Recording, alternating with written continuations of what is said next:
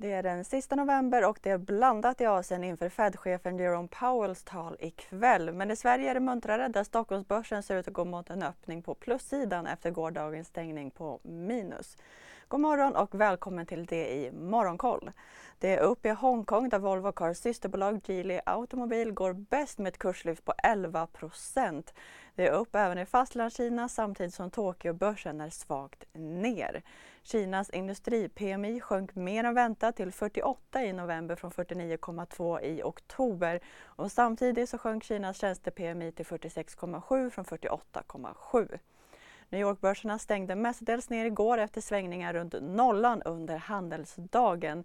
USA-noterade kinesiska bolag var bland vinnarna efter besked om ökad vaccinering i Kina. Och bland bolagen var det fortsatt tufft för amerikanska techaktier där Apple fortsatte ner och föll 2% Även Microsoft och Amazon tappade.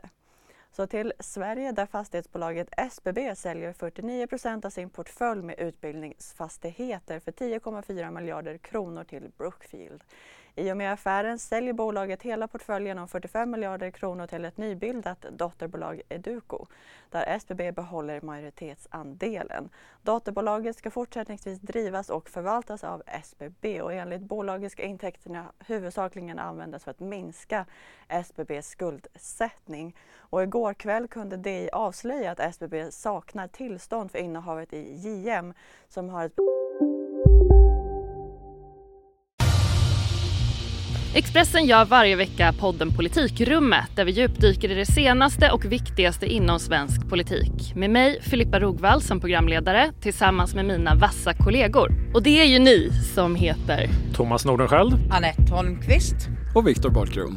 Politikrummet kommer med ett nytt avsnitt varje tisdag. Vi hörs.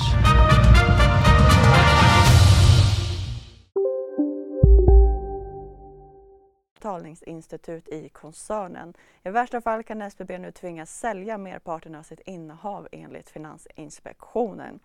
Och I samma sektor har Catena genomfört en riktad nyemission till ett värde av 1,6 miljarder kronor med över 7% rabatt. Forskningsbolaget BioArctics läkemedelskandidat kan bromsa försämringen hos personer med Alzheimers sjukdom men effekten är blygsam och förknippad med vissa, vissa biverkningar. Det står klart när resultaten presenteras i sin helhet. Bioarctics samarbetspartner Eisai stiger 3,5% på Tokyobörsen. Läkemedelsbolaget AstraZeneca meddelade igår att bolaget säljer sin produktionsanläggning i Ohio i USA. Anläggningen säljs till amerikanska National Resilience men prislappen av affären har inte uppgetts.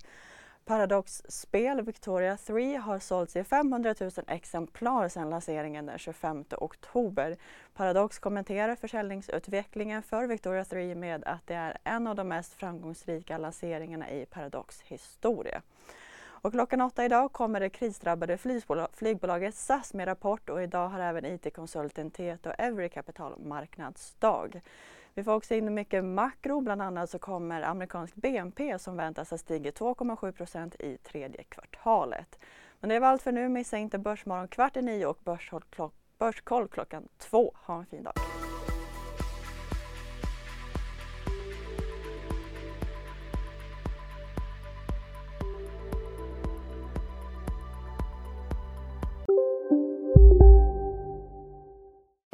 Vi är specialister på det vi gör precis som du. Därför försäkrar vi på Swedea bara småföretag, som ditt. För oss är små företag alltid större än stora och vår företagsförsäkring anpassar sig helt efter firmans förutsättningar. Gå in på swedea.se företag och jämför själv. Hej, Ulf Kristersson här. På många sätt är det en mörk tid vi lever i. Men nu tar vi ett stort steg för att göra Sverige till en tryggare och säkrare plats. Sverige är nu medlem i Nato. En för alla, alla för en.